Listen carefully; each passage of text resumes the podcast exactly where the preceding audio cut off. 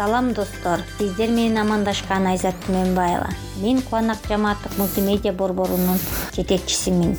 Элетте эл менен алек кандай кызматтар бар десеңиз бай болот алыштагы подкастты угуңуз учурда жумушсуздук күч алган мезгилде жумуш жок эле деп коюш деп койбой. Өз аракетин жасап өзүнүн мүмкүнчүлүгүнө жараша ишкердик кылып үй бүлөсүнө жана мамлекетке кичине болсо да салым кошуп келе жаткан чакан ишкерлер менен маек курмакчыбыз бул подкасттар алты ай бою кыш мезгили сүргөн нарын районунун ишкерлери кантип жана кандай жагдайларда ишкердик менен алектенишээрин баяндамакчыбыз? Подкасттар жалпы кыргыз элине ишкерлер жана ишкер болууну каалагандарга арналат.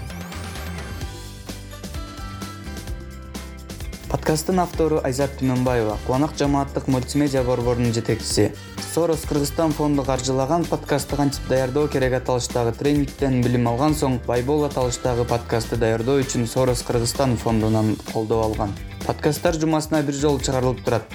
Кубанак жамааттык мультимедиа борборунун жетекчиси айзат түмөнбаева даярдайт. Ар бир чыгарылышта ар башка өнөр ээлеринин эмгектери менен тааныштырат